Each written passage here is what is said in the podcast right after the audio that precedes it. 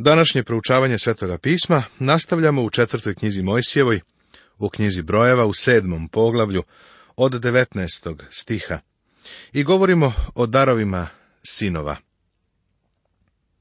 Celo ovo dugačko poglavlje govori o ovim ljudima i o tome šta su dali gospodu. Čak je i tako nešto malo kao što je kašičica tamjana zabeleženo. Sada gospod ovako kaže, a ti, kada činiš milostinju, neka ne zna tvoja leva ruka šta čini desna. Za tako mnogo ljudi bi bilo mnogo bolje da njihova leva ruka ne zna šta radi desna, jer obe ruke tako mnogo rade za gospoda. Trebalo bi da se stide svojih ruku i leve i desne.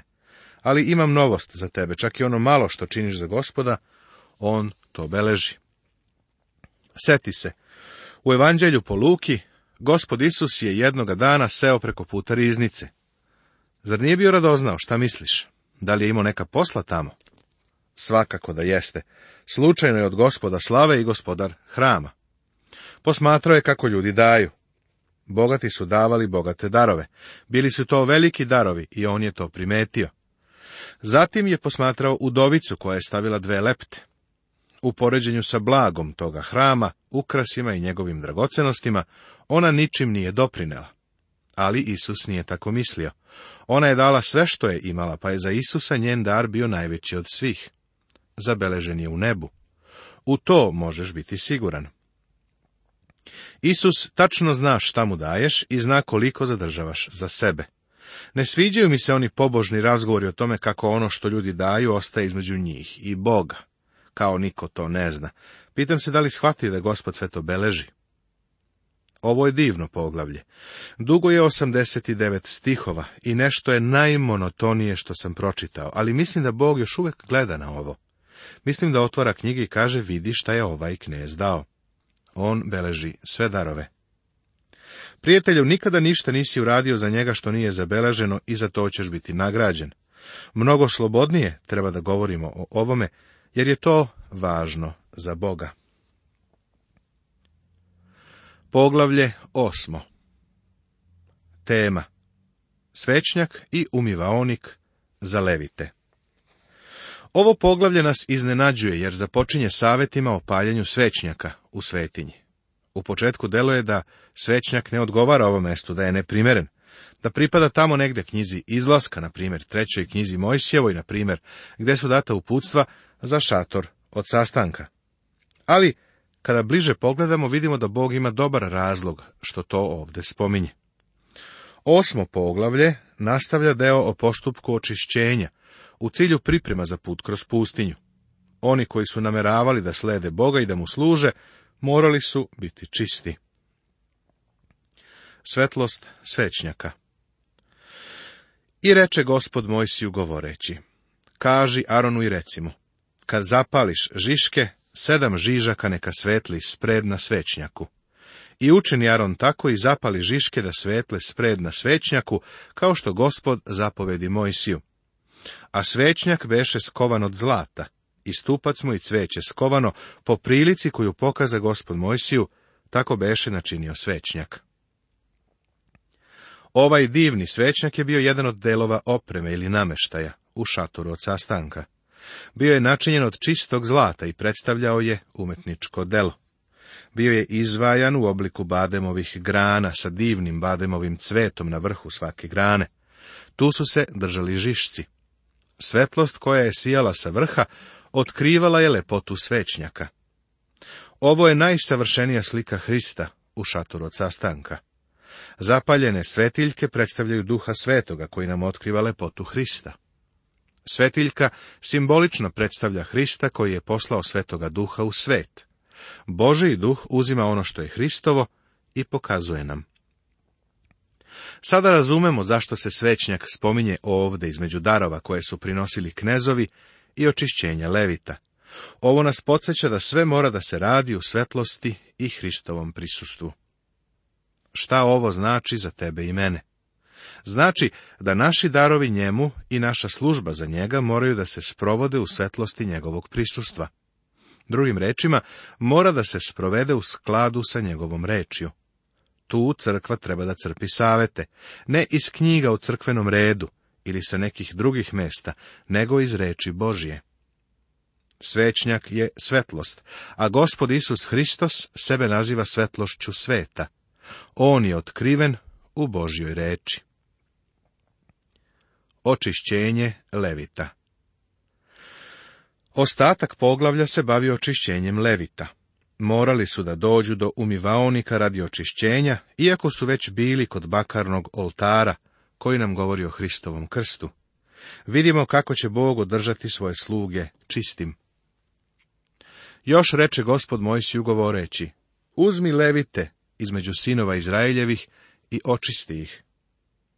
Prijatelju, ako želiš da te Bog upotrebi, morat će da te očisti. On će naći sobstveni način za to. Sada obrati pažnju na to kako su leviti bili očišćeni. I učini im ovo da ih očistiš. Pokropi ih vodom očišćenja, a oni neka obriju sve telo svoje i operu haljine svoje i očistit će se. Potom neka uzmu tele sa darom uz njega, belim brašnom pomešanim s uljem, i drugo tele uzmi za greh. Prvo, morali su da budu poprskani ili pokropljeni vodom očišćenja. To se radilo kod umivaonika. Zatim morali su da se obriju skroz po telu. Treće, morali su da operu haljine da bi bili čisti. Četvrto, morali su da prinesu žrtvu za greh i žrtvu paljenicu. Sećaš li se šta je Bog rekao o Leviju, Levije je bio jedan od sinova Jakovljevih i kada ga je Jakov blagosiljao, on je rekao, Simeun i Levije, braća mačevi su im oružje nepravdi. U tajne njihove da ne ulazi duša moja sa zborom njihovim da se ne sastavlja slava moja. Jer u gnevu pobiše ljude i za svoje veselje pokidaše volove. Prokleta je gnev njihov, što beše nagao i ljutina njihova što beše žestoka, razdelit ih po Jakovu i rasuću ih po Izraelu. Ovo je zapisano u prvoj knjizi Mojsijevoj u 49. poglavlju. Očigledno je da su morali biti očišćeni. Za dete Božije je danas važno ne to kako živiš, nego gde, u čemu živiš. Ako pak hodamo u svetlosti, kao što je On sam u svetlosti, imamo zajednicu jedan sa drugim i krv Sina njegova Isusa Hrista čisti nas od svakog greha. Vidiš, svetlost i umivaonik su ovdje postavljeni zajedno. Kada hodaš u svetlosti, uviđaš da u tvom životu postoje nesavršenosti. Onda odeš do umivaonika i ukloniš to. Ovo je simboličko predstavljanje ispovedanja greha. Zapazi da su ovdje data četiri koraka za očišćenje. Prvi. Pokropi ih vodom očišćenja. Sećaš se da kada je Hristos oprao noge svojim učenicima, Simon Petar se bunio. Gospod Isus mu je rekao, ako te ne operem, nemaš udela sa mnom. To znači nećeš imati zajednicu sa mnom. Jovan to objašnjava u svojoj poslanici.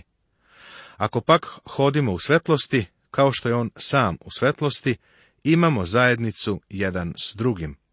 Da, ali kada hodam u svetlosti vidim ono što je u mom životu pogrešno. Šta onda treba da uradim? Krv sina njegova Isusa Hrista čisti nas od svakog greha. Ona nas stalno čisti od greha kada ih priznajemo. Ako ispovedamo svoje grehe, on je veran i pravedan da nam oprosti grehe i očisti nas od svake nepravednosti. Ovo je, prijatelju, najvažnije. Ovo je za vernike. Ako želiš da služiš Bogu, moraš priznati svoje grehe. Bakarni oltar je mesto gde grešnik Bogu dolazi radi spasenja. Umivaonik je mesto na kome vernik, svetac Božiji, dolazi da bi se očistio. Drugi korak. Neka obriju sve telo svoje. Reč Božja je živa i delotvorna i oštrija od svakog mača sa dve oštrice, te doseže do rastavljanja duše i duha, zglavaka i moždine, pa sudi mislima i smeranjima srca. Ovo je zapisano u poslanici Jevrejima u četvrtom poglavlju. Reč Božja može da zađe u dubinu tvog života i pronađe ono što je pogrešno, a što ti nisi znao da nije u redu. Potrebna ti je oštra britva. Misliš da na tebi nema mržnje?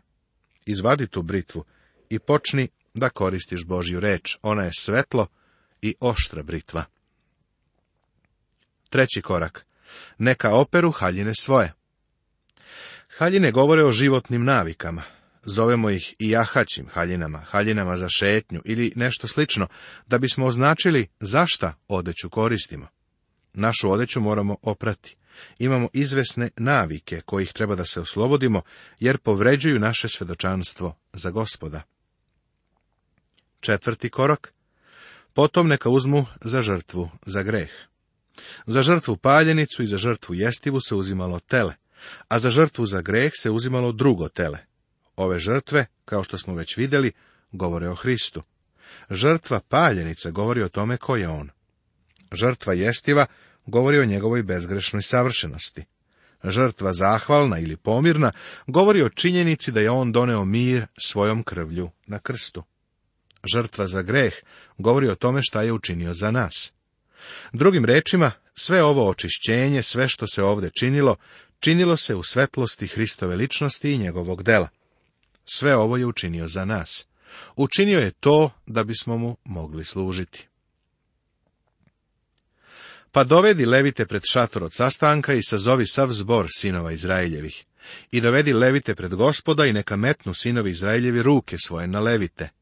I Aron neka prinese Levite gospodu za prinos od sinova Izraeljevih, da vrše službu gospodu. Hajde da ovo dobro shvatimo. Možeš pevati solo, možeš propovedati, možeš poučavati na veronauci, biti službenik u crkvi, ali nisi efikasan sve dok ne hodaš i ne živiš u svetlosti Božje reči, sve dok njemu nisi otišao radi očišćenja. Moraš se sagledati u svetlosti Božje reči. Znaš, kada pogrešiš, onda mu priznaj svoj greh, a znaš da će ti oprostiti i očistiti te. Koristi tu oštru britvu koja oceca sve što njega vređa. Treba da posmatraš svoje navike, ako želiš da te Bog koristi. Mnogi ljudi su dozvolili da im loše navike upropaste svedočanstvo. I očišćenje, sve treba da počiva na ličnosti i delu Isusa Hrista. Vidimo da se sve ovo činilo tako da bi leviti mogli služiti gospodu. I odvoj levite između sinova Izraeljevih da budu moji leviti. I dadoh levite na dar Aronu i sinovima njegovim između sinova Izraeljevih, da služe mesto sinova Izraeljevih u šatoru od sastanka i da budu otkup za sinove Izraeljeve, da ne bi dolazio pomor na sinove Izraeljeve kad bi pristupali k svetinji sinovi Izraeljevi. Seti se da smo pre spomenuli kako je naš gospod u svojoj prvosvešteničkoj molitvi rekao za vernike, tvoji su bili i dao se ih meni i održaše tvoju reč. Gospod Isus Hristos je platio cenu i oslobodio nas i vratio Bogu i to svojom krvlju. Sada nas Otac kao dar vraća Gospodu Isusu Hristu. Njemu pripadamo. Služba Gospodu ne počiva na pravilima i uredbama zakona.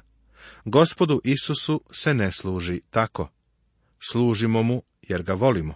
Povezani smo sa njim, deo smo njega.